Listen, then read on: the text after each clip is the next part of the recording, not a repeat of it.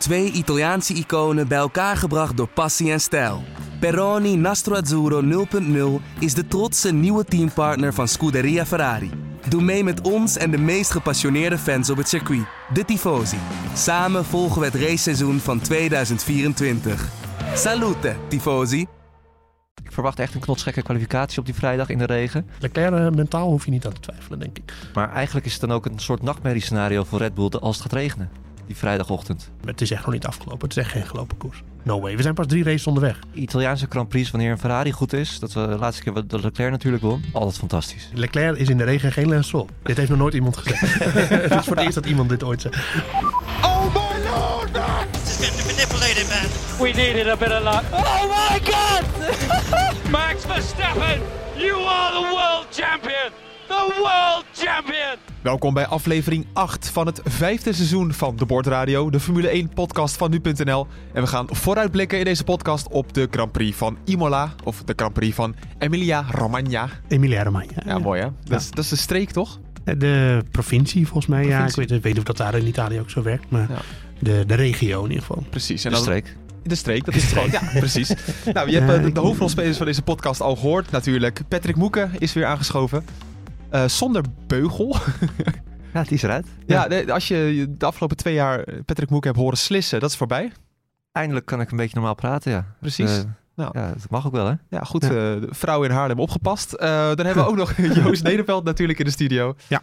En mijn naam is Bas Scharwachter. normaal hebben we ook nog Hopin erbij, maar die zit in Sydney. Ja, die, heeft, uh, die is uh, lekker druk bezig. Dus uh, we gaan het met z'n drieën doen. Maar we gaan wel prachtig vooruitblikken op de Grand Prix van Imola dus. En Joost? Hij, hij zit in Sydney, dus hij zit niet in de podcast. nou, het niveau is al erg hoog. Ja, we beginnen goed. Ga ja, verder. Nou, moet ik gelijk gaan, serieus gaan beginnen. Want we hebben natuurlijk de afgelopen Grand Prix gehad, Joost. Met heel veel problemen aan de Red Bull. Correct. Ja of nee? Zijn de problemen opgelost? Nou ja, um, als je Helmut Marco, uh, die uh, heeft zondag een uitgebreid interview uh, gegeven aan de Oostenrijkse ORF, Oostenrijkse ja. Rundfunk. De Oostenrijkse NOS. Ja. ja. En die zei dat Honda heeft gezegd dat het opgelost is, als het goed is. Um, dus ja, ik ga er maar vanuit dat het opgelost is. Ja, het was een, een gesprongen brandstofleiding. Dus het lijkt me wel een zaak dat je dat oplost, inderdaad. Ja. Ja. Dat, dat is dat probleem wat opgelost is. Hè? Want er was ook nog een hydraulisch probleem. Ja, want ik vind altijd met die, uh, dan zie je al die websites allemaal koppen van... nou, het probleem bij Red Bull is opgelost. Verstappen kan met een gerust hart door. Maar ja, dat zijn natuurlijk eigenlijk ook een beetje loze berichten. Want natuurlijk zeggen ze dat het is opgelost, maar je weet het nooit helemaal zeker. En wat Joost zegt, het kan ook zomaar weer een ander probleem zijn wat dan weer de kop opsteekt. Want dat is de grote kopzorg. Het zijn twee verschillende problemen die weliswaar klein zijn, maar wel twee keer zorgen voor een uitvalbeurt. Nu heb jij voor nu.nl Joost een heel stuk gemaakt over dit probleem. Uh, ja. Allereerst, jij zegt al, het probleem is anders uh, dan wat ze in Bahrein hadden. Kan ja. je dat eens uitleggen? Nou, ik kan uitleggen wat er nu aan de hand was. Uh, in de zin van dat het een gesprongen brandstofleiding was. Uh, en dat hebben ze gereproduceerd op de testbank. En hier wordt het een beetje vaag, want Helmut Marco zei... ja, het, we denken dat het misschien door porpoising komt... of door andere gestuiter van de auto. hij zei, maar we konden het ook reproduceren op de testbank. Dus in een testomgeving waarin de auto dus niet stuitert. Um, nou, aan de ene kant is dat een beetje zorgwekkend... omdat je dus natuurlijk niet weet waar het dan exact vandaan komt. Ik, we moeten hier natuurlijk ons gewoon baseren op wat, wat Marco erover zei... Um, aan de andere kant, um, dat ze het kunnen reproduceren is meestal een goed teken. Want dan kun je ook zien waar het fout gaat en dan ja. kun je het ook oplossen. Dus ik ga er wel vanuit dat dat uh, gaat lukken. Um, maar ja, we hebben het natuurlijk gehad over het probleem in Bahrein. Wat daar nou precies aan de hand is, dat weten we eigenlijk nog steeds niet. Nee. en, en, onderaan de streep kwam het erop neer dat, er, dat de motor geen benzine meer kon krijgen, ja, toch? Ja, ja. Ja, maar waarom? Ja, dat, dat kan om allerlei redenen zijn geweest. Ja, ja, ja, ja. En, um, um, en dan hebben we natuurlijk nog, want Verstappen had het ook nog over een hydraulisch probleem. Wat hij vlak voor de start in, in Melbourne had. En waarover hij zei van het was eigenlijk al de vragen voor de finish wel gingen halen. Um, daar heb ik niks meer over gehoord. En, en Marco zei wel van ja, er zijn steeds weer andere dingen aan de hand. Dus ik denk dat je hier wel terugziet dat Red Bull een kortere voorbereidingstijd heeft gehad dan bijvoorbeeld uh, de Ferrari. Ja. Uh, want ja, het zijn allemaal van die probleempjes die je normaal gesproken in een testen wel tegen zou kunnen komen. Uh, en die komen ze nu dus in het seizoen tegen. En dat bedoel je natuurlijk omdat ze vorig jaar verwikkeld waren in de, in strijd. de strijd met Mercedes. Mercedes. En uh, ja, Mercedes heeft natuurlijk allerlei andere problemen. Maar ik denk dat je dat daar wel een klein beetje aan terugziet. En eh, ja, uiteindelijk zijn die problemen wel voorbij. Eh, en dan hebben ze ook nog eens het probleem van het gewicht. 10 kilo te zwaar. Nou, daar gaat als het goed is dit weekend al wat vanaf. Alleen daar spreken Marco en, eh, en Christian Horner zich weer over tegen. Ja, hebben we het zo meteen over. Ja, oké. En dan, eh, dus ja, het is een beetje rommelig bij Red Bull. Het rommelt een beetje. En eh, het is niet eh, de, de, de marmeren, het marmeren team waar alles goed ging zoals het vorig jaar was. Dat valt me wel een beetje op. Nee, want Moeke, wij hebben veel liever dat Red Bull zich gewoon focust op hoe snel de auto moet zijn. Maar ze zijn eigenlijk met allemaal andere dingen bezig, lijkt het. Nou ja, als team wil je natuurlijk eh, alleen maar zorgen dat die auto sneller kan worden. En nu is het wel zo, als het echt daadwerkelijk kleine dingetjes zijn, dan mogen we er op een gegeven moment ook wel van uitgaan dat die, dat, die, dat die, die, die babyziektes eruit zijn. Babyziektes. Toch? Ja? Dat is- Kinderziektes. ja. Kinderziektes. Oh, ja. Nou, baby's hebben ook veel ziektes, Ja, maar ja, ja. ja, kinderziektes. Maar eh, nee, het, het, eh, het- uiteindelijk moet het wel een keer goed komen. Ik kan me niet voorstellen dat Red Bull weer zo'n se- seizoen tegemoet gaat. Waarin we Verstappen eh, vaker wel dan niet naast de baan zien staan. Nee, dat denk ik ook niet. Kijk, Honda, die, want, want ze staan natuurlijk ingeschreven als eh, motoren van Red Bull Powertrains. Daar komen we straks ook nog even op terug, want dat heeft eh, Red Bull uiteindelijk misschien niet zo slim gedaan om dat al te doen. Ehm, maar die motoren worden nog steeds gebouwd in Japan door Honda en geserviced door Honda. Dus het is een probleem wat Honda moet oplossen. En eh, eh, nou ja, kijk, da- daar kun je natuurlijk ook nu weer af gaan vragen van is er, eh, Honda nog steeds zo committed, hè, toegewijd als dat ze waren toen ze nog volop op de auto stonden met stickers. Ehm, ik denk het wel uiteindelijk. Het is natuurlijk eer, de eer te na om die motor nu niet goed te laten functioneren. Maar en dat soort dingen, eh, dat, dat, dat, daar zit wel wat frictie tussen nu, denk ik. En Maar het- bed- het- bed- bedoel je dat? Dat ze dat niet goed hebben gedaan met Red Bull Powertrains? Dat ze te snel die Honda... nee, dat is, daar komen we straks op. Dat heeft meer met Audi en Porsche te maken. Ah. Maar dat is een ander discussiepunt wat dit weekend heel erg veel gevoerd gaat worden, denk ik. Ehm, maar eh, nee, terug naar de, de- Ja, Honda moet het nog steeds oplossen. En de, de- ja, die zeggen dus dat ze dat gedaan hebben. Ja. En daar moeten we maar van uitgaan. Maar Maar voor de duidelijkheid, het is niet zo dat de motor stuk was. Het waren Nee. vooral zaken rondom die motor heen, hè? een brandstofleiding, een vrij eh, cruciaal stukje. op zich cruciaal. van eh, wat aan de motor vastzit. Maar het is Ja. niet de motor zelf. Nee, maar ik bedoel natuurlijk, we kijken al door het seizoen heen dat ze niet een nieuwe motor moeten, moeten steken.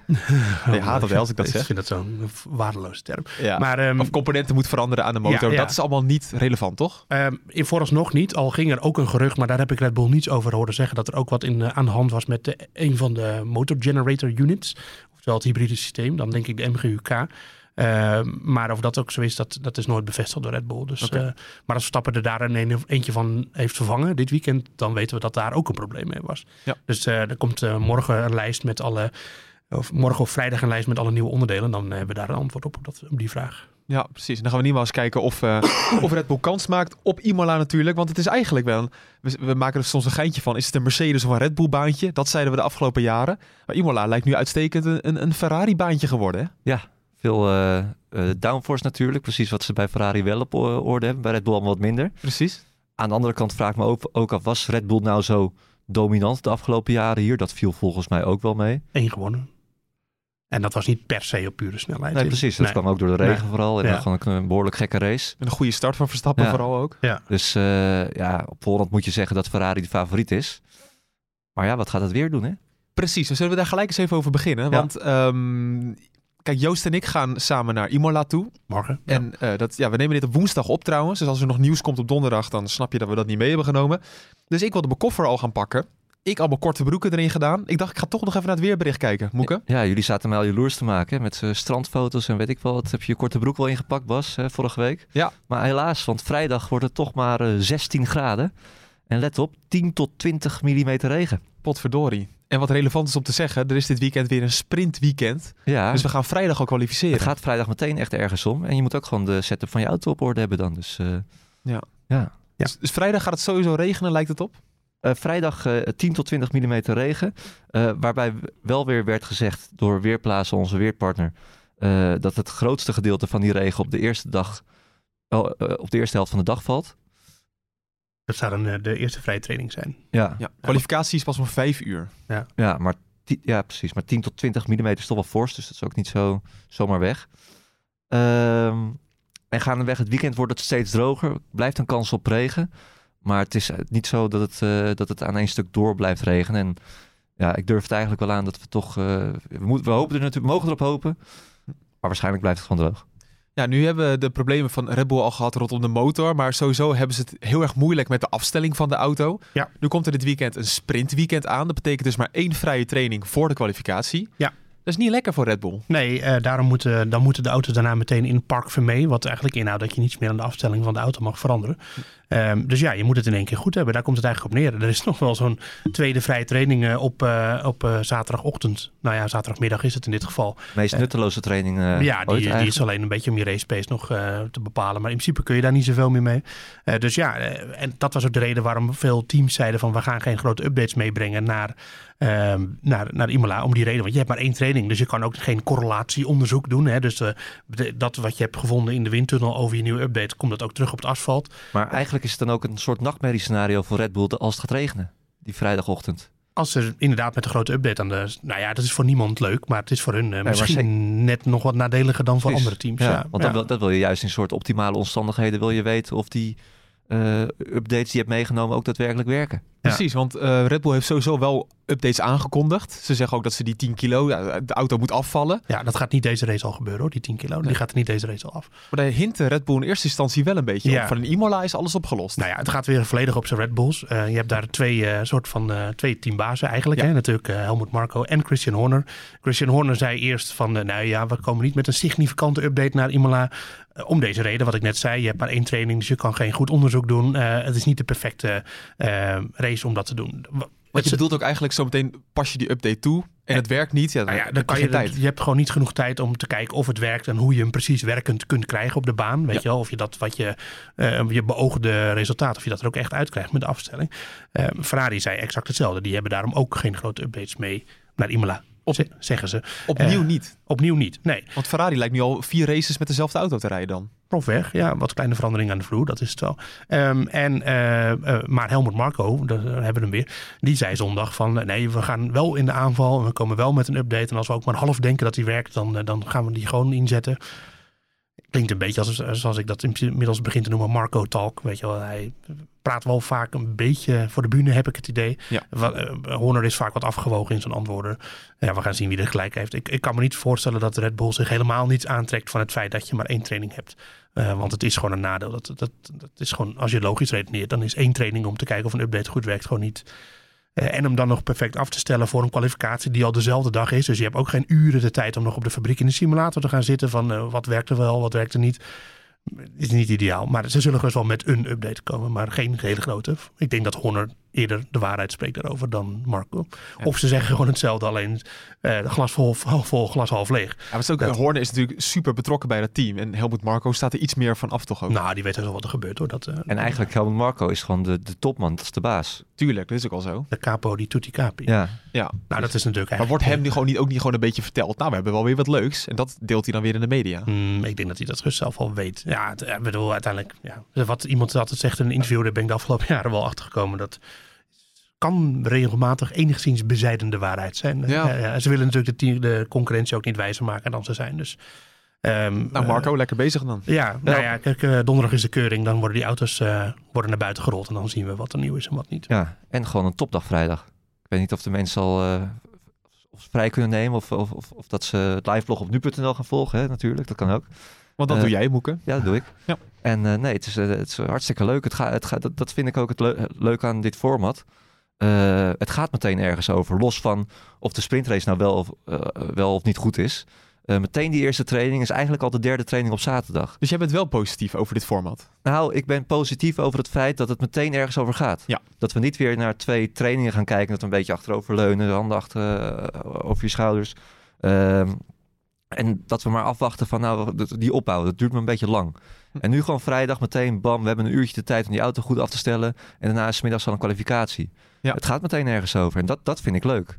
Ja, dat is ook alweer zo. Maar toch, toch, moet, toch moet ik ook altijd zeggen, de zondag is wel altijd heel bijzonder als je maar één Grand Prix hebt. Dan heb je gewoon heel lang voorspel, Ja. eigenlijk. En dat, dat komt dan tot uiting op die zondagmiddag. En nu Dat- heb je eigenlijk al die, sp- die race al gehad, dus je kent de verhoudingen al. Je weet dat Leclerc al 20 seconden Ja, je wegrijdt. hebt vaak al een beeld van, van race pace. Ja, Ja, dat, dat is wel... ja, ja. ja. Nou ja, daarom vind ik het ook jammer dat, eh, dat ze toch niet. eh, want ik weet niet of het, nou, of, de- of het nou nog steeds in een testfase zit of dat ze het eh, willen houden. Dat, eh er wordt ook een beetje omslachtig om gedaan, vind ik nog steeds. Nou ja, ze hebben wel wat dingen aangepast. Ze hebben, ja, ze hebben meer punt, meer, kan er meer punten mee verdienen. De, eh, de pole is niet meer echt de pole, of toch wel, hè? Ja. Ja. Wat, Dus, wat over de punten, het allereerst. eh, de nummer 1 krijgt nu 8 punten. Ja. Dat was vorig jaar nog 3. Ja. En dat loopt dan door tot de nummer 8. En die krijgt één Ik punt. krijg één punt. Ja. Dus daardoor wordt het middenveld ook wat serieuzer erbij betrokken. Ja. Ja, en het- meer beloond voor als je nog een eh do or die inhaalactie wil maken natuurlijk. Ja, maar tegelijkertijd als je in de punten rijdt ook weer niet om dan maar één puntje meer te... Nee, zou kunnen. Ja, oké. maar als het al helemaal nergens om Nee, gaat, dat dan doe wel je zo- iets meer. Ja, nee, dat klopt. Dat klopt. Eh, het gaat, dan gaat het natuurlijk ook nog om startpositie. Dus het is een extra incentive om Ja. eh, als een debiel eh, een divebom eh, aan de binnenkant Ja. bij iemand te doen. En eh, scharen te rijden. En dan start je achteraan. Hartstikke leuk. Ja, ja, daarom wilden de teams ook niet meer sprintraces natuurlijk. Want die waren hartstikke bang voor een hele bak schade. En dat, eh ja, het budgetlimiet ging dan niet omhoog. Ehm, dus ja, dat, de, dat- daar wilde de VIA niet aan meewerken. Dus daarom hebben we er nog steeds maar drie. Want het zouden er eigenlijk acht zijn dit jaar. Ja. Maar ja, blijkbaar zijn ze, ze zijn nog steeds zoekende. Ja. En ik had het toch ook wel, als we toch nog in die experimentele fase zitten. eh, en het is ook weer zo'n eeuwig ter- terugkomende discussie. Maar had ik toch graag gezien, doe nou wel een keertje die omgekeerde startvolgorde. Ook dacht ik dat je het circuit omgekeerd ging zeggen. Oh, nee. Nee, hè, de omgekeerde startvolgorde. naar beneden. Ja, de, eh, Monaco, eh, dat lijkt me heel mooi. Ja. De, eh, de omgekeerde startvolgorde zou ik nog steeds fan van zijn. Om dat Gewoon- een keer te proberen. Precies, een keer. Ja, En ik, het is maar allemaal voor kunst. Nou, Ja, dat, dat zal wel moeten, want anders dan gaat niemand inhalen. Ja, precies. Ja. Dus ja, maar dat, dat, ik denk toch dat ze dat toch niet aandurven allemaal. Nee. Nou, het is- ja, je ziet soms de, de race in, van Hamilton bijvoorbeeld in Brazilië vorig jaar. Ja. Dat hij al die, die mensen voorbij moest. Dat Was kan wel leuk. gewoon. Ja. Het Ja, is vermakelijk. Het Ja. is grappig. En je Ja. hoeft er geen schade bij te rijden. ja, maar goed, controversieel punt. Ik zag ook een tweet van de Formule 1 dat ze aankondigden van het is weer sprintweekend. Ik heb geen enkele positieve reactie eronder gezien. Ik denk dat heel veel luisteraars van ons ook denken van eh, wat, wat lullen jullie nou allemaal?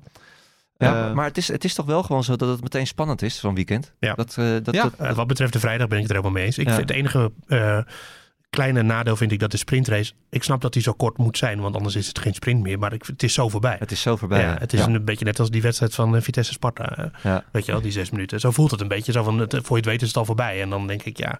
eh, want de kwalificatie op vrijdag duurt langer in principe dan die sprintrace.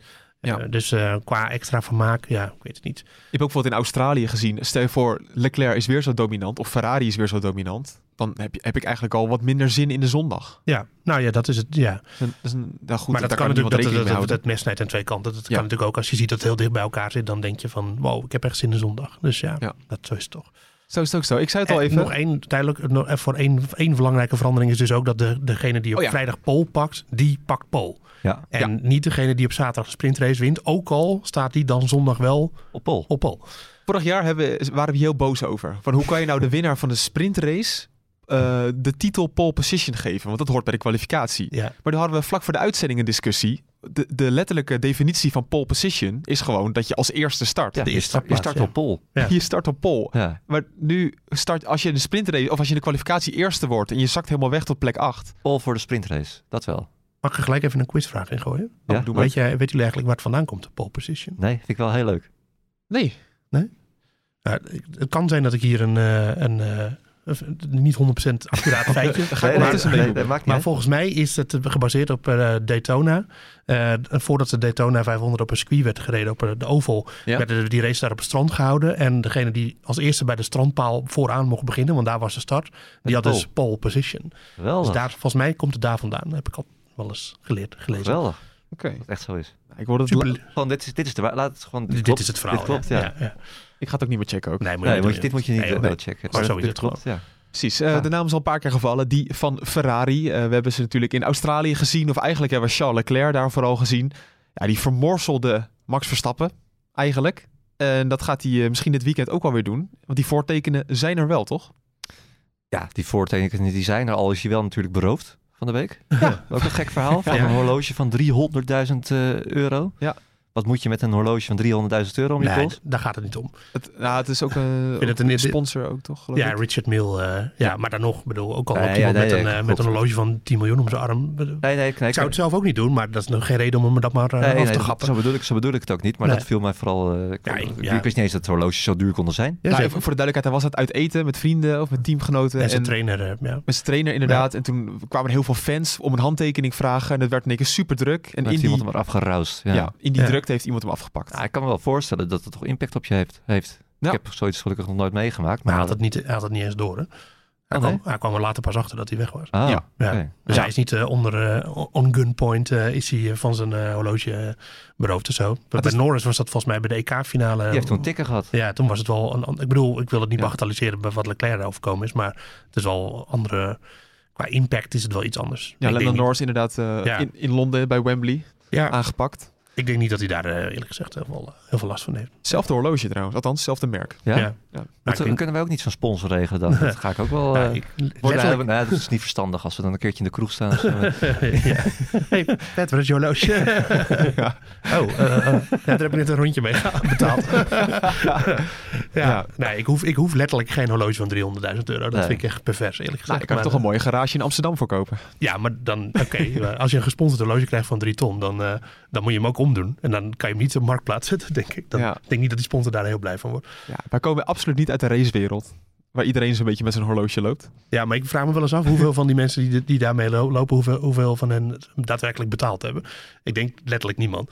Nou, het schijnt wel, die horloge, je hebt ook een horloge podcast, weet ik echt. Het schijnt toch wel een hele niche markt eh, te zijn. Ja, Absoluut. Het, het is zeker niet, Echt, want als je een halve ton kost of een half miljoen kost, dan die heb je. Ja. Ik, ik zat namelijk even te kijken op de site van Richard Mille, maar de Rafael Nadal edition is gewoon een half miljoen. Een half miljoen, Voor een horloge. Een horloge, Ja, even de dat, tijd eh, checken. Ja, daar dat, gaat het eh, natuurlijk helemaal nee. niet om. Dat is toch een half jaar salaris van Joost. ja. maar goed, als Leclerc dus eh, niet opkomt dagen bij deze vrije training, dan weten we hoe het komt. nou, Hoe laat was het ook alweer? Nou, nee, nee, precies. Maar goed, ehm, dat kan mentale impact hebben, Moeke, Mm. natuurlijk. Maar dat denk ik vooral niet. Nee, dat denk ik Ah, eigenlijk ook. hij zal vooral razendsnel zijn, eh, zoals hij in Australië heeft laten zien. En gesteund door de, nou ik weet niet hoeveel er kunnen komen. Niet, eh, niet zoveel als op Monza volgens mij, maar alsnog wel veel. Ja, je hebt die hele berg, hè? Eh, bij Ravat, eh, daar aan de binnenkant. Dat Ja. is de Ferrari-berg. Ja. Daar zitten eindelijk weer eens mensen. Dus, eh, Maar ja. ik, ik denk echt dat jullie daar, eh, ik ben echt wel jaloers moet ik eerlijk zeggen. Want dat wordt gekkenhuis met al die Italianen. Ja, want eigenlijk is het zo dat Imola is eigenlijk de thuishaven van het Tifosi, toch? Ja, het, nou ja, het circuit heet eh, Ento Edino Ferrari. Enzo Edino Ferrari, ja. Ja. ja. Want Maar- wij, wij kennen natuurlijk Monza door, door de Tifosi, dat dat altijd Ja. het Italiaanse gekkenhuis is. Maar dit zou eigenlijk de plek moeten zijn. Nou ja, eh, volgens mij ligt dit het dichtste bij de Ferrari-fabriek in Maranello. In ieder geval dat wel, ja. Dit circuit, maar of nou ja, thuishaven. Volgens mij is het heel Italië Ferrari-fan. Dus eh, ik, ik denk eerlijk gezegd toch van oudsher dat Monza... Monza staat al vanaf 1950 op de kalender, hè? dat moet je niet vergeten. En Imola pas vanaf begin jaren 80. Ja, dat is Dus Maar eh, Italiaanse Grand Prix, wanneer een Ferrari goed is, dat we de laatste keer wat de Leclerc natuurlijk won, 2019, ja. altijd fantastisch. Ja. Ja. En ook met Schumacher Hakkinen in die tijd, dat is echt, het, dat was eh, haast de reden dat ik Formule 1 begon, begon leuk eh, te vinden. Die mensen, die, die, die fakkels, eh, Beleving. Ja. beleving, ja, Nou, geweldig. eigenlijk hetzelfde wat we natuurlijk afgelopen jaar op Zandvoort hebben gezien. Nou, Eh, zeker. Alleen dan in een ander kleurtje. Ja. Maar Ja. de- het idee is hetzelfde. Ja. En ik hoop dat de muziek wat beter is. maar eh, dat gaan we zien. Maar tegelijkertijd zou het natuurlijk, het is wel een thuisrace ook Ja. voor Leclerc. Het zou kunnen zijn dat er ook wat meer druk op staat. Mm, Ja. Ja, een, een van zijn. Ook Leclerc is iemand met meerdere thuisraces inmiddels. Ehm, ja, dat zou best kunnen. Maar ja, Je hebt misschien toch meer verplichting ook. nee, klopt. Ik heb dit weekend, eh, voor dit weekend wel nog een stuk met over eh, hoe Leclerc mentaal gehard is. Eh, door zijn leven heen, door allerlei dingen die hij heeft meegemaakt. Want eh, Leclerc op het eerste gezicht leidt hij natuurlijk een droomleven. Geboren in Monaco, eh coureur van Ferrari. Hij heeft een vriendin met 30.000 eh, Instagram-volgers. Dat is natuurlijk ook om een reden. Dus het is, hij heeft, leidt een droomleven. Ja, Charlotte heet ze volgens mij. Oh. Hij leidt echt een droomleven waar menig tiener van droomt. Maar hij heeft natuurlijk ook al best wel veel meegemaakt. Dus, Maar wat dan? nou, het overlijden van Jules Bianchi, wat zijn peet oom was. eh, in, in zekere zin een goede vriend van de familie. Zijn begeleider op de karts in de eerste jaren dat hij eh, aan het eh, racen was. En de tweede was, zijn tweede was natuurlijk in, in 2017. Toen overleed zijn vader. Een paar dagen voordat hij met de Formule 2 in actie kwam in Baku. Ja. En toen pakte hij op vrijdag meteen de, de pole. Zaterdag de sprintrace. Zondag tweede in de hoofdrace van plaats 10 mentaal echt heel erg sterk. En natuurlijk Antoine Aubert, dat was in Spa 2019. Eh, toen eh, won hij natuurlijk die volgende dag eh, met Hamilton in zijn kielzorg continu won hij de race. Dus dat, ja, dat is hij kan echt wel tegen. En een week later zijn eerste thuisrace voor Ferrari met Hamilton continu in zijn spiegels ja. hield, hij, eh, hield hij stand. Dus ik denk dat Leclerc eh, mentaal hoef je niet aan te twijfelen, denk ik. En je ziet eigenlijk ook hoe hij zich weert tegen Verstappen al dit seizoen. Eh, er zit ook geen enkel ontzag bij. Nee, nee. nee maar to- toch wel, mentaal, hij- we hebben hem toch wel foutjes zien maken. Wel, toen, toen hij een goede auto had. Jawel, ja goed. Maar ja, alle coureurs maken natuurlijk foutjes uiteindelijk. Jawel, maar hij is, Verstappen hij is ook niet on- on- onfeilbaar en hij gaat ook foutjes maken. Ja, het, het zou ook maar dit weekend kunnen zijn. Ja, maar of het dan komt door druk, Dat, uh, dat, dat vraag me af. Ik denk dat eerlijk gezegd niet. Ik denk dat het misschien, dan komt het misschien eerder door gretigheid of zo. Ja, of dat zoiets. zou Of, uh, ja. Ja. Maar het is wel mooi dat Leclerc was een enorme hype uh, in de Formule 2, Ja. waar je het net over had. ehm, dat hij wel die belofte nu al begint waar te maken. Als je hem een goede auto geeft, we zien het daar Verstappen, dat het er ook uitkomt. Ja. Ja. nou ja, je ziet gewoon de, de, de toptalenten onderscheiden zich dan van de goede coureurs. Ja. Kijk, Sainz zit in dezelfde auto en die komt gewoon echt eh, tekort. Ook al heeft hij natuurlijk wel wat problemen gehad. Vorig jaar Leclerc verslagen. Het Ja, maar dat was vooral... Blijf dat eh, bestrijden. Dat, voor- voor- Ja, maar vooral- toch over, uiteindelijk... ja, hij had Ja, meer een- punten, maar hij was niet sneller dan. Nee, ja, precies. Nee. Maar daar moeten Nee. we echt niet in gaan overdrijven. Hij heeft gewoon wat moeite met een nieuwe auto. Maar Nee, Ja. dat, eh, dat ben ik ook weer met je eens. Ik bedoel, Ja. eh, nee, maar ook gewoon als je... Als je ja, maar, hij was in Melbourne best wel snel eigenlijk, eh Sainz. Voor het eerst ja, dit wel, jaar. maar, wel. gewoon, ook, maar als je, ook als je gewoon kijkt naar het race, hè, puur het race, het inhalen. Nee, het, dat het, ben ik met het, het gaat toch altijd, ook vorig jaar eh, bij Sainz gaat het toch moeilijker dan bij Leclerc. Ja, Leclerc is veel geheider. Ja. Leclerc is meer een verstappen. Ja. Eh, en en Sainz nog- is voorzichtig. wij zaten de samenvatting te kijken, Joost. Toen zei jij, hij kan eigenlijk helemaal niet zo goed duelleren. Sainz. Ja. Nee, hij, dat, dat viel me ook in zijn McLaren-tijd al op. Dat als hij in een duel kwam, dat hij, dat, dat hij die vaak verloor. Eh, het is een, eh, hij is gewoon wat minder, eh, ja, wat minder ruw in duels. En Hij is te voorzichtig, denk ik. En, en Verstappen en, en, eh, en ook Leclerc, die zijn gewoon wat gewiekster in die duels. En die zijn eh, gretiger en, die, en die, die zijn ook bereid om verder te gaan waarschijnlijk om een duel te winnen. Dan, de dood dan, of de gladiolen. nou, de dood op de gladiolen. En dat Sainz die heeft dat gewoon wat minder. Dat, tenminste, ik heb dat nog nooit bij hem gezien. Ja, eh, altijd in de duels, of tenminste altijd heel vaak duels eh, die, die verloren. Om, omdat hij gewoon net niet eh 100% gaf dan. Of, of net te voorzichtig was. En dat, eh, ik denk dat, dat dat dit seizoen toch ook een beetje op kan gaan breken. Want ja, je zag het nu zelfs. eh, Dat hij eh, terug moest komen door naar, naar zijn legitieme plek eigenlijk in, in Australië. En dat ging meteen alweer fout. Dan schoot Ja. hij van de baan af zie ik Leclerc en zeker Verstappen en Leclerc dat soort types net iets minder snel overkomen. Maar goed, Sainz kan het natuurlijk allemaal nog goed maken. Maar ja, daar hadden we de vorige podcast over. Het gat is al heel groot. En dat is voor hem echt een nadeel binnen Ferrari. Precies. We kregen ook over Ferrari nog, eh, nog wat luistervragen. En daar hebben we tegenwoordig een prachtig bumpertje bij. Michael, I just send you an email. Want zo vroeg Jan Weerke via Twitter ons af. Ehm, Ferrari heeft natuurlijk heel veel last van purposing. Dat hebben we heel erg gezien in Melbourne natuurlijk. Net als Mercedes. Ja. Ehm, maar de, de weersvoorspelling is natuurlijk dat het gaat regenen. Eh, vrijdag, ja. Vrijdag inderdaad. Dus de vraag van Jan is... Wordt purposing, porpoising nou minder als het nat is? Nou ja, kijk, als je gewoon puur kijkt naar de snelheid, één, dat is één ding. De, de snelheid is waarschijnlijk lager, dus dan treedt porpoising minder snel op. Ja. Dat, dat, is sowieso het geval. De tweede is het normaal gesproken zo bij de afstelling, bij een regenafstelling van een, van een Formule 1 auto, dat, dat je de rijhoogte wat omhoog zet. En het de, omhoog zetten van de rijhoogte is exact ook de manier om porpoising op te lossen. Ja. Dus dat is, dat, ja, dat is, dat is eigenlijk een beetje een, eh, een toevallige bijvangst die je dan hebt. Eh, dus als, als ze dat inderdaad met deze auto's doen, want het is voor het eerst dat ze natuurlijk competitief in de regen gaan rijden. Ik ga ervan uit dat ze de rijhoogte weer wat omhoog zetten. Dan is meteen purposing verdwenen. Dus ik denk dat het veel minder, dat je dat dan niet gaat zien in de regen. Dat het echt een droogweerfenomeen is. Ja, precies. Want eh, er was een andere vraag van XRP Moon. Goeie naam. Volgens mij is het een Ripple, toch? Van Ja, eh, XRP, de ja. Bitcoin. Ja. XRP. Eh, oké. Eh, ja, eh, van aanstaand weekend hebben we natuurlijk één vrije training. Dat het gaat regenen en op zaterdag is het weer droog. Hoe ga je nou voor zorgen dat, dat de setup dan juist is? Als het op alle dagen iets anders kan zijn. nou, het is heel simpel. Als je ervan uitgaat dat het, eh, dat het droog is zaterdag en zondag, dan stel je hem niet af op regen. Dat, Zo is dat het. zou ik nooit doen. Dus dan neem je je verlies in de De kwalificatie. Ja, ja, Maar dan moet je het wel zeker weten natuurlijk. En Ja. als het wisselvallig is, ja. Dat weet je niet. Maar eh, ik zou die gok nooit... Ja, je kan natuurlijk altijd een beetje een compromis gaan zoeken. Maar ik weet niet of ze dat bij deze auto's al heel makkelijk kunnen vinden. Een compromis tussen een regenafstelling en een droogafstelling. Je zou misschien wel kunnen gokken als je een, een team in de achterhoede bent. Ja. Als je weet van nou de rest gaat waarschijnlijk op droog, dat jij dan toch wat meer gaat inzetten op regen. Ja.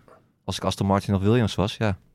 Kansjes. Waarom ook niet? Ja. Oké, dat, is heel- dat is heel interessant. Het is heel lastig, want je hebt eh, eh, voor een regenafstelling... eh, eigenlijk in, ligt in het verlengde wat ik net zei. Een regenafstelling is gewoon compleet contra aan wat deze auto snel maakt. Ja. Want die moeten namelijk hard geveerd zijn. Nou, als je regen hebt, dan wil je juist wat minder... wat meer demping, wat meer dat hij wat toestaat, dat hij wat rolt, ook de auto. Ja. En, en, en wat meer rijhoogte. En dat is allemaal contra aan hoe je deze auto's goed laat functioneren. Dus ja, dat is een interessante. ik denk dat het gevolg van een regenafstelling op droog asfalt nu veel groter is dan de af, met de vorige generatie auto's. Dat als je hem nu afstelt op regen, dat je echt se- seconden tekort komt. Omdat die auto gewoon bij lange na niet goed functioneerde. Oké. Nog één dingetje die we bij de vragen binnen hebben gekregen. Dat is eigenlijk kritiek op ons. Oh dat wij de vorige podcast Albon helemaal vergeten waren. Ja, dat klopt. Eh, onder andere Bart vroeg zich dat af. Die had me ook een DM gestuurd van hoe, hoe kunnen jullie nou zo stom zijn dat jullie eigenlijk Albon niet benoemd hadden, die de hele race op dezelfde compound heeft gereden op de laatste ronde na. Ja.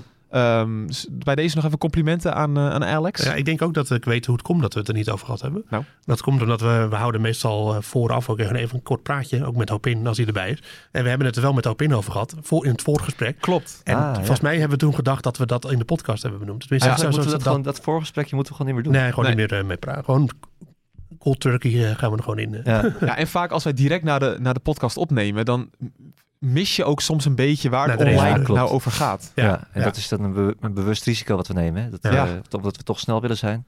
En ook het verhaal van Albon hadden we natuurlijk helemaal nog niet gezien. Bij Sky was hij daar heel openhartig over. Ja, Ja. ja. we hadden dat wel even kunnen benoemen. Nee, ja, zeker. Dus, maar toch, mensen hadden kritiek op ons. En dan zijn we zeker de minste. Ik kreeg ook nog eerder al kritiek terecht op dat we eh, over Hamilton er zijn geklaagd over de positie die die, eh, waarin hij terecht kwam zondag. Of in de Grand Prix eh, van Ja. Australië. Ja. Ehm, maar toen wisten we nog niet dat hij last had van oververhittingsproblemen bij zijn, met zijn motor. Ja, En daar was hij vooral over aan het klagen. En niet over dat hij nou precies per se wilde dat het Rus- Russell aan de kant ging. Wat wij eruit concludeerden. Dus ook dat hadden we. Dat was een rectificatie waard. Nou, dan kunnen we kunnen hier ook wel een rectificatiehoekje, bumpertje van maken, Bas. Zeker. Ik kreeg ook nog mailtjes dat... eh, Nog som- meer. Nee, dat, dat, eh, volgens mij was dat eh, gericht aan Joost. Dat je soms wat bedweterig bent. Ja, maar dat ben Oh, ik ook. Dat maar, klopt, ja. Maar dat, eh, Ja, maar is dat... eh, Maar dat eh, mensen hebben dan de kritiek dat, dat, dat je dat er heel erg om doet. nee, Nee, dat, dat idee heb ik dus Gewoon- ook niet. Gewoon enthousiasme. enthousiasme. ja. Ja, En eh, kijk, jij bent ook heel irritant. Eh, Dat is ook gewoon, komt voor dat hij enthousiasme. Ja, wij noemen dat gewoon chemie. ja, chemie. Ja. eh, ja. Maar het is niet inderdaad dat... Ik wil het best wel bestrijden. Dat Joost niet bedweterig is aan het doen... eh, omdat hij het zomaar beter weet. Hij weet het ook gewoon beter. Niet altijd. Vaak wel. Ja. Ja. Maar dat moet je niet hard zeggen, want dan wordt hij nog bij de hand. Ja, natuurlijk. precies. Daarom hebben we Hoop er ook bij gehaald. Ja, precies. Goed, Ja. eh, goed tegengewicht. Ja, precies. Dat is wel mooi. Ehm, nog even, jij noemde het al, Joost. ehm, Hamilton. Doe het. Wat voor weekend gaat hij tegemoet? Want het ging best wel aardig in, in Melbourne. Nog steeds niet zoals Mercedes dat wil. Nee. Maar goed, ze ja. moeten nu stappen gaan maken. Die eh, alles oplossende updates waar eh, in het begin van het seizoen een beetje over werd gesproken dat die er wel zou komen. Ik denk niet dat die bestaat überhaupt. In de zin van niet dat er één pakket is waarmee ze alles op gaan lossen. Het, is een, eh, het, is, het zijn diepe problemen voor Mercedes. En ja, ehm, ze, ze behoren gewoon tot het middenveld. Daar komt het eigenlijk op neer. De subtop, de, de voorkant van het middenveld. Eh, we hebben het nog steeds eigenlijk niet gezien. Want we hadden natuurlijk graag gezien dat Al- Alonso in Australië de strijd aan kon gaan met de Mercedes. Dan hadden we graag gezien of de Alpine eigenlijk misschien niet stiekem sneller is dan de Mercedes. Precies. Ja, in de handen van Alonso dan. Ehm, ja, ze hebben gewoon nog steeds ontzettend veel last van porpoising. Net als heel veel andere teams. Net als Ferrari overigens. Ehm, er is wel, ik, ben, nu inmiddels achter het verschil tussen de Mercedes porpoising en de Ferrari porpoising. Dus kom daar zo. Nou, dat kunnen we meteen even behandelen. Het gebeurt in een andere frequentie. Oké. Ja, de, de Mercedes eh porpoist veel agressiever in een veel hogere frequentie. Dus die gaat veel sneller op en neer dan de Ferrari. De Ferrari die golft een beetje op en neer. Die gaat, het schudt ook wel, maar niet zo agressief als die Mercedes. En ik heb die onboards nog even teruggekeken uit Australië. En dan zie je dat inderdaad. Dat Hamilton die gaat bijna, nou ja, die wordt echt gewoon uit elkaar getrild. En daar is het meer trillen. En bij de Ferrari is het meer schudden. En trillen is uiteindelijk toch nog wel eh, dodelijker voor de auto dan, eh, dan schudden. Daar, Ja. daar zit het verschil in. Ja, ik kreeg ook nog een andere luistervraag. Die heb, hebben we al beantwoord in een Q&A op eh, nu.nl. Maar dat de Red Bull niet purposed, Ja. is dat ook niet juist nadelig? Als de auto zo snel gaat, dan komt die beweging er vanzelf in. Ja, dat is een interessante vraag. Dat, ehm, eh, ik, denk niet, ik, ik denk niet dat, dat, eh, dat ze de, de Red Bull bijvoorbeeld niet purposed omdat hij te weinig downforce heeft of zo. Dat geloof ik niet. Oké. Dat, dat zou een brevet van onvermogen zijn van Adrian Newey, wat je hem absoluut niet kan opspelden. Hij heeft dus wel een auto ontwikkeld die genoeg downforce heeft om te. Ja. Ook al zou hij dat niet willen. Het is meer gewoon dat zij gewoon iets hebben gevonden waardoor hij dat veel minder doet. Eh, en ik denk dat de andere teams daar alleen maar jaloers op zijn. Kijk, Red Bull heeft weer andere probleem dan eh, Mercedes en Ferrari. En vooral anders dan Mercedes. Ja. Want Ferrari, bij Ferrari's purpose is natuurlijk niet echt een keihard probleem. Ja. Ehm, maar dat hebben ze weer wel op orde. Ja, dat is. eh, ehm, ik denk niet dat, dat, dat, het, eh, dat die auto eigenlijk zou moeten purposen. Dat denk ik eigenlijk niet. Gaan we nu de verhoudingen echt zien, Moeke? Want we hebben natuurlijk de, de power circuits al een klein beetje gehad met Bahrein en Saudi-Arabië. Australië viel daar een beetje tussenin. Nou ja, eraan. Als, als, eh, wat het weer ook doet natuurlijk. Uiteraard. Maar we zijn, ik denk dat we wel weer een stuk wijzer zijn als, als Ferrari hier echt een dominant weekend eh, tegemoet gaat. Dan, dan, dan, dan, ja, dan wordt het misschien wel een eentonig seizoen. Ik heb zin om gewoon even een voorspelling erin te gaan gooien. Ja.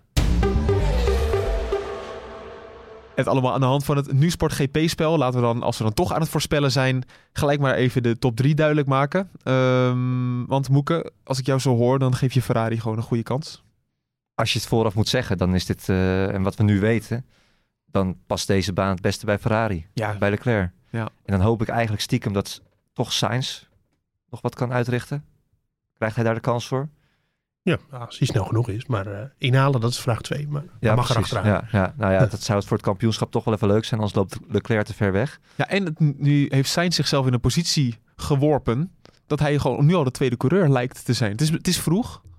Maar goed, Sainz heeft, of, eh, Leclerc heeft zo'n grote voorsprong in het Nou ja, kampioenschap. daarom is het voor Sainz persoonlijk ook belangrijk dat hij nu wel een keer, als, als hij zelf nog echt het idee heeft dat hij wereldkampioen kan worden, dan, moet, hij, eh, dan moet hij dit weekend moet hij, moet hij scoren. Dan moet hij winnen. Eigenlijk wel, maar hetzelfde geldt toch ook in zekere zin voor Verstappen. Kijk, het gat is al zo groot, je moet ergens dat gat gaan eh, eh, dichten. Eigenlijk moet je daar nu al mee beginnen. Alleen ja, gaat dat lukken? Wat, wat, wat ik wel, ik verwacht echt een knotsgekke kwalificatie op die vrijdag in de regen. Eh, als het nat is, de, de kunnen, ze kunnen ook crashen. Ja, alles kan. Ja, ja dat is, ik daar- zeg Dat, is in theorie mogelijk. Ja, inderdaad. ja, Ja, ja. Ja, nee, ja precies. En in de praktijk misschien ook wel. Ja, Ja, maar ja, ik, ja. Ik, ik denk echt vrijdag een knotsgekke kwalificatie om eh eh, vijf uur 's middags. ik ga hem noteren. Knotsgekke kwalificatie. Ja. Eh, kleddernat. Eh, rode vlaggen. Ehm eh, Lens Stroll die weer geweldig... eh, want die kan goed regenrijden. Lens Stroll die weer geweldig uit de hoek komt. Maar hij heeft nu echt de auto er niet voor, hè? Ja, je weet- ja maar Lens Stroll. Ja, het is, Le- het is Lance Stroll. Die blijft je soms verbazen. In, eh, King of the Rain. vooral negatief opzicht, maar ook heel soms in positief opzicht. Nou, dan wordt er dan wel weer een keer tijd voor. Ja, precies. Ja. Dus eh, nee, kom maar op, eh, Lens. Dus eh, nee, ik eh, lange aanloop. Ik denk toch dat Leclerc de, de boel op een hoop gaat rijden. Ja. Oh. Oké. Ik, ik, ik, ho- ik hoop van niet, ook voor, gewoon, voor het kampioenschap. Maar ik, ja, als, je, als je het vooraf moet zeggen, dan moet je Ferrari de beste papieren geven. Ben je het daarmee eens, Joost? Mm, Nou, ik denk niet dat, eh, ik denk niet dat Ferrari een hele grote voorsprong gaat hebben dit, dit weekend. Want Eh, op basis van wat? Nou, ik denk dat Red Bull gerust wel met wat dingen aan de auto komt. Nou, van Ferrari weten we dat ze, zij dat niet doen. Tenminste, als Binotto de waarheid spreekt natuurlijk. Maar eh, Pinocchio is niet voor niets een Italiaanse uitvinding. eh, eh, of tenminste een Italiaanse bedenksel. Ehm, Pinocchio. nee. Ehm, alle teambazen die, eh, die liegen wel eens hoor. Dat doet niet alleen Binotto en ook niet alleen Horner. Ehm, eh, maar ik denk dat Red Bull er wel dichterbij zit dan we... Het is, zo dramatisch is het allemaal niet. Kijk, het kan best... je- Bahrein zat Red Bull er op race pace gewoon bij. Saudi-Arabië zat Red Bull er op race pace gewoon bij. Monza is best wel een snel circuit stiekem. Is best wel een hoop vol gasgedeeltes. Imola. Ehm, Imola, sorry. Nou, straks eh, vliegen we nog verkeerd. ja, Staat landen, we, landen we in Milaan. Nee, Ja. eh, Imola is best wel een snel circuit. Dus ehm, ik bedoel, eh, dat, eh, als die auto weer afgesteld is op topsnelheid, dan kan ze dat echt nog wel wat brengen daar, denk ik. Hoewel je wel meer downforce nodig hebt dan, eh, dan in eh, de circuits waar we recent zijn geweest. Ehm, dus ja, ik denk dat Red Bull er best wel dichtbij zit. En zeker als je een natte kwalificatie hebt. eh, Leclerc, qua regen heb ik, heeft hij niet echt een hele goede reputatie. Ik kan me geen hele goede regenrace van hem herinneren, eerlijk gezegd. Ehm, en, Het is geen Lance Stroll. Het is geen Lance Stroll. Nee, zeker niet. nee, Leclerc is in de regen geen Lance Stroll. Dit heeft nog nooit iemand gezegd. het is voor het eerst dat iemand dit ooit zegt. Ehm, Dit moet in de kop, denk ik. ja, ja. Ehm, nee, ja, Verstappen is natuurlijk gewoon een, eh, een eh, Terminator in de regen. Hoewel hij ook wel eens eh, mindere kwalificaties heeft gereden, eh, gereden in de regen. Maar ik denk dat, dat als het een natte kwalificatie wordt, dat Verstappen dan in het voordeel is. Weet je wat nou zo grappig is aan een, een reputatie? Voor wat Verstappen heeft is zo'n reputatie gekregen. Bijvoorbeeld dat hij een bandenfluisteraar is door Barcelona 2016. Nou, en ook wel andere races hoor. Maar Ja, daar begon het, laat ik daar zo begon het. Maar dat, dat je meteen die associatie hebt van... Ah, hij kan goed met zijn banden opgaan. Daar had je natuurlijk Brazilië. eh, hetzelfde jaar nog. Dat hij dat ook liet zien. Dat, oh, nou, definitief een regenrijder. Terwijl hij, daarna heeft hij echt mindere Ja, maar toen was, races gehad. Turkije bijvoorbeeld. daar heeft hij echt een, een blamage dat hij daar geen pole position pakte in de regen. Nee, dat klopt. En toen, maar toen was die auto gewoon heel slecht in de regen. Maar goed, dan verlies je van Lance Stroll. Ja, dat was wel heel gênant. Ja, toch? Ja. Met zo'n Ja. auto. Maar dat vond hij zelf ook. Ja. Maar hij eh, Ja. zat toen eh, flink te balen, weet ik nog. Ehm, ja. nee, du- dus ik denk dat, eh, dat Verstappen wel moet hopen op een natte kwalificatie. Ja. Eh, uiteindelijk race pace verwacht het Ferrari wel iets sneller. Eh, dus ik denk wel dat Leclerc dit weekend zowel de sprintrace als de hoofdrace op papier moet gaan winnen. Het, het zou wel typisch Ferrari zijn dat het nu misgaat. Ja, en vooral in zo'n natte kwalificatie. Ja, ja. Dat, Ah, dat ja. Leclerc dan van de baan Dat schiet. gewoon of zo. iedereen, we gaan eh, die Tifosi uitverkocht gekhuis en eh wordt Ja. helemaal geweldig. En we kunnen eindelijk weer wereldkampioen worden en dat het dan weer finaal mislukt. Drop de bal. Ja. Dat zou natuurlijk kunnen dan. In En eigenlijk mag ik niet zeggen, ik, ik hoop er stiekem ook wel een beetje op. Ik vind het toch wel leuk. Dat is het. Maar, Maar, ja, ja, maar dat maakt het kampioenschap wel spannender. Ja, ook, ja en ik, ik geniet er toch ook altijd wel. Nou ja, Dan loopt kampioenschap- Russell in op, eh, op Leclerc. Precies. Ja. Kampioenschap technisch zou het wel nadelig zijn als eh, Leclerc dit weekend weer wint. Ja. Eh, we willen natuurlijk wel een mooie titelstrijd. Tuurlijk. Al heb ik niet de illusie dat we zo verwend gaan worden als afgelopen seizoen natuurlijk. Maar ja, moet wel een beetje bij elkaar in de buurt blijven. Anders gaan we weer dat gelul krijgen dat we per race en dat het toch ook weer nergens over eh, gaat. Nee, Ja. nee, nee, Dat is ook weer zo. nee, maar het scenario dat, eh, dat we van tevoren al weten dat Ferrari gaat winnen, dat gaat, dat, ik denk niet dat dat dit seizoen eh, heel veel gaat komen. Hoor. Eerlijk gezegd, want kijk, als, zeker als je ervan uitgaat dat de Ferrari dus op gewicht is, hè, dus die 798 kilo, eh, en de Red Bull niet, eh, die, als die 10 kilo te zwaar is, dan is dat wel drie, vier tiende per ronde. Dus als ze dat gewicht inderdaad kwijtraken en eh, eh, dan, ja, dan zitten ze zomaar ineens helemaal in de buurt bij Ferrari. En, en dan komen er nog allerlei aero-updates eh, aan. Ik ga er nog steeds vanuit dat Ferrari, of dat Red Bull beter is in het ontwikkelen van de auto dan Ferrari. Op basis van de afgelopen seizoenen. Dus eh, het is echt nog niet afgelopen. Het is echt geen gelopen koers. Nee, no way. We zijn pas drie races onderweg. Maar de achterstand is wel groot, dus het moet wel Ja. zo snel mogelijk gebeuren. het moet wel snel gebeuren. Ja. Want zoveel speling heb je niet meer. Nee. Eh, dan nog eh, één dingetje in deze podcast. Dat is, ehm, Joost, dat wilde jij graag aanstippen. Ja, Er, oh ja. komt dit, ja, trouwens, je verklapte het net al een beetje. Er komt dit weekend weer reuring rondom de overname van Audi en Porsche in de Formule 1. De overname. Of nou, Ja, de van teams in de de Formule 1. mogelijke entree. Ehm, als je als ze ervan uitgaan dat ze dat gaan doen. Dus dat Porsche en, eh, en Audi allebei in de Formule 1 komen. Maar goed, er zijn zoveel geruchten. Ja, nee, ja, nee, maar het gaat er gewoon uiteindelijk om dat ze nu de intentie om het te doen. Maar het hangt nog even van het technisch reglement af. Oh ja. Formeel. Formeel. Ehm, maar het gaat om de, het volgende. Kijk, eh, we- gaan er vanuit dat eh, Red Bull en Porsche, dat is al bijna een gesloten huwelijk. Dat, dat gaat wel goed komen. Dus dat wordt dan Porsche Red Bull.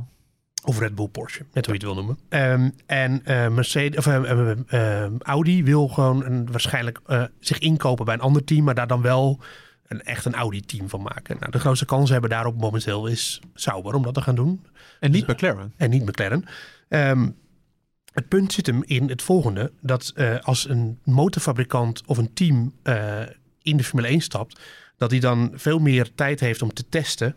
Op, met testbanken van de motoren, windtunneltest, dat soort dingen. Dan een team wat er al in zit. Oh ja. Want je hebt natuurlijk nu die beperkingen van een team mag zoveel uren in de windtunnel doorbrengen. eh wind, zoveel op de CFD, de, de digitale windtunnel, laat ik het zo maar noemen. En zoveel testbankuren voor de motor. Maar een nieuw team en een nieuwe motorfabrikant die mag dat veel meer. Maar ja, wat is een nieuw team? Kijk, Red Bull heeft nu de motor al ingeschreven als een motor van Red Bull Powertrains. Dus als Porsche straks die fabriek gewoon overneemt en in de Formule 1 komt op die manier, dan kunnen ze eigenlijk niet zeggen dat ze nieuw zijn. Nee, dan zeggen we wel, we hebben hier een nieuw stickertje op de wand. Maar, ja, maar het, het- zo gek zijn de andere teams natuurlijk niet. Die trappen daar niet in. En eh, dus eh, dan, ja, wanneer ben je nieuw? Dat is de grote vraag. En bij Audi is dat natuurlijk al helemaal een probleem. Dat, dat is één deel van het verhaal. Dus, want als Audi straks instapt en gewoon... eh, ja, die moeten dan natuurlijk wel zelf een motor gaan bouwen. Of gaan ze die motor ook afnemen van Red Bull Powertrains Porsche combinatie? Weet je allemaal niet. Als ze zelf een motor gaan bouwen... eh, gaan ze dan informatie delen met Porsche? Want het hoort uiteindelijk bij hetzelfde concern, weet je wel. Dus dan heb je twee keer... allebei Volkswagen. Ja, de Volkswagen concern. Dus heb je twee keer een fabrikant die instapt, nieuw, formeel, eh, in de Formule 1. En die kunnen dan allebei heel veel tijd gaan gebruiken. En als die dan ook nog eens samen gaan werken, dan is dat natuurlijk alleen maar bij elkaar op. Dus ja, daar zijn de andere teams natuurlijk niet blij mee met dat, dat vooruitzicht. Dus ja, daar, eh, daar komt een hele hoop gelul over. Daar komt het eigenlijk op neer. Maar waarom dit weekend? Nou, dat, dit weekend is die, gaat die discussie losbarsten. Want eigenlijk alle teambazen hebben er al wat over gezegd. En dan weet je gewoon dat iets wordt. Er is altijd een verhaal van een weekend. En ik denk dat dit het verhaal van dit weekend wordt. Dat alle teambazen daar wat over gaan zeggen. En dat, eh, ja, dat we daar nog veel over gaan horen. Maar eh, ja, voordat er eh, besluiten gaan vallen, dat gaat nog wel een tijdje duren. Maar de, als je dit weekend wat hoort over de discussie Porsche, Audi, eh, dan gaat het hierom. Oké, nou, dat is goed om te weten. Dat is Ja. handig, dat je in ieder geval de context weet Ja. van dat verhaal. Ja, dus eigenlijk willen de andere Formule 1 teams dat ze gewoon eh, dat die twee fabrikanten dus erbij komen bij een ander team, maar niet gebruik mogen maken van die extra windtunneluren, testbankuren, dat soort dingen, omdat ze niet formeel niet nieuw zijn, want ze komen bij een bestaand team.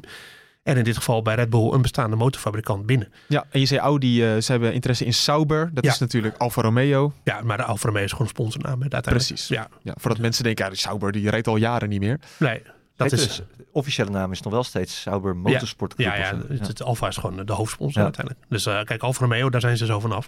Eh en dan heb je nog weer de vraag of Alfa Romeo dan weer een eigen team wil beginnen. Nou, dat gaat no, no way gebeuren momenteel. Dus eh het zijn allemaal interessante verdere discussies. Maar ehm, ja, dus ze wilden McLaren overnemen, Audi. Maar ja, het schijnt dat McLaren dat niet wil. Het is best wel moeilijk überhaupt om een Formule 1 team te kopen natuurlijk nu. Ik Want zou het ook- ik zou het ook mooi vinden, want of, prima zo. Want McLaren vind ik een geweldig merk. ja, het zou toch zonde zijn als die verdwijnt. Dan, eh, te- dat- het is veel leuker als Audi er gewoon bij komt. Ja. En dat is nog steeds niet helemaal uitgesloten. Al zie ik niet gebeuren dat Audi het zo ver gaat dat ze gewoon een hele eigen team uit de grond gaan stampen. Maar het kan nog steeds. Ze zouden ook wel een beetje hulp moeten krijgen van de Formule 1. Het wordt ze ook wel alleen maar onmogelijk gemaakt, heb ik het idee. Om, je, moet, je bent als Formule 1 toch ook bijgebaat om juist nog dat extra team op de grid te krijgen? Ja, maar je, je, zit met, je zit met twee factoren. Ja, aan de ene kant wil je dus dat die fabrikant erbij komt en wil je het aantrekkelijk maken. Aan de andere kant moet je, wil je het ook niet zo makkelijk maken dat de huidige deelnemers daarmee in het nadeel zijn. Weet je? Nee, dus dan oké. moet je altijd een balans tussen vinden. Maar het is nu wel heel moeilijk. En zeker om ook dan vervolgens nog de top te vinden. Want daar werd ook altijd over geklaagd. Van ja, eh, het kost zoveel geld om in te stappen. Voordat je dan aan de top bent. Nou ja, kijk naar Honda bijvoorbeeld, hoe lang het heeft geduurd. En Renault is nog steeds niet gelukt. Nee, precies. Eh, nee, dat klopt. Dat, dat is waar. Maar ja, het is ook niet voor niets Formule 1. Het is het hoogste niveau. Dus eh, Ja, dat klopt. je moet er wel aan trekken om ergens te komen. Is Interessant. Mercedes Nou, uiteindelijk ook gelukt natuurlijk. Dat is waar. Maar die hebben ook gewoon een bestaand team overgenomen. Ja. Ja. En die hadden wel een motor lang eh, in de... nou, nou, goed om te weten allemaal. Eh, Joost, wij gaan onze koffers pakken. Ja. Geen korte broeken, maar paraplu's, poncho's. Ik neem hem gewoon mee hoor, mijn korte broek. Nou ja. Ja. Ja, de- desnoods worden mijn knieën maar nat. Dan is dat maar zo. 16 graden, is koud hoor. Ja, Ja, nee, dat is waar. we gaan het meemaken. Nou, zit lekker binnen de hele tijd. Even voor het overzicht nog. ehm, schrijf vooral even mee als je wil weten wanneer de tijden zijn. De kwalificatie is om vijf uur op de vrijdag. De sprintrace is om half vijf op de zaterdag. Half vijf, ook een Wat een tijden. moeizame tijd ook. En dan hebben we eh, zondag de race, die is gewoon oud en vertrouwd om drie uur in de middag. Mooi. Dus dat gaan we allemaal meemaken. Dan wil ik eh, Joost en Patrick jullie natuurlijk bedanken. Eh, zondagavond zijn we er weer live van naast het circuit. En dan is hopelijk Hopin er ook weer bij. En voor vragen kan je altijd terecht via podcast.nu.nl of via ons Twitter-account @debordradio. Hou dat vooral in de gaten voor al het laatste nieuws over de Formule 1. En dan zou ik zeggen, tot zondagavond. Ciao. Ciao.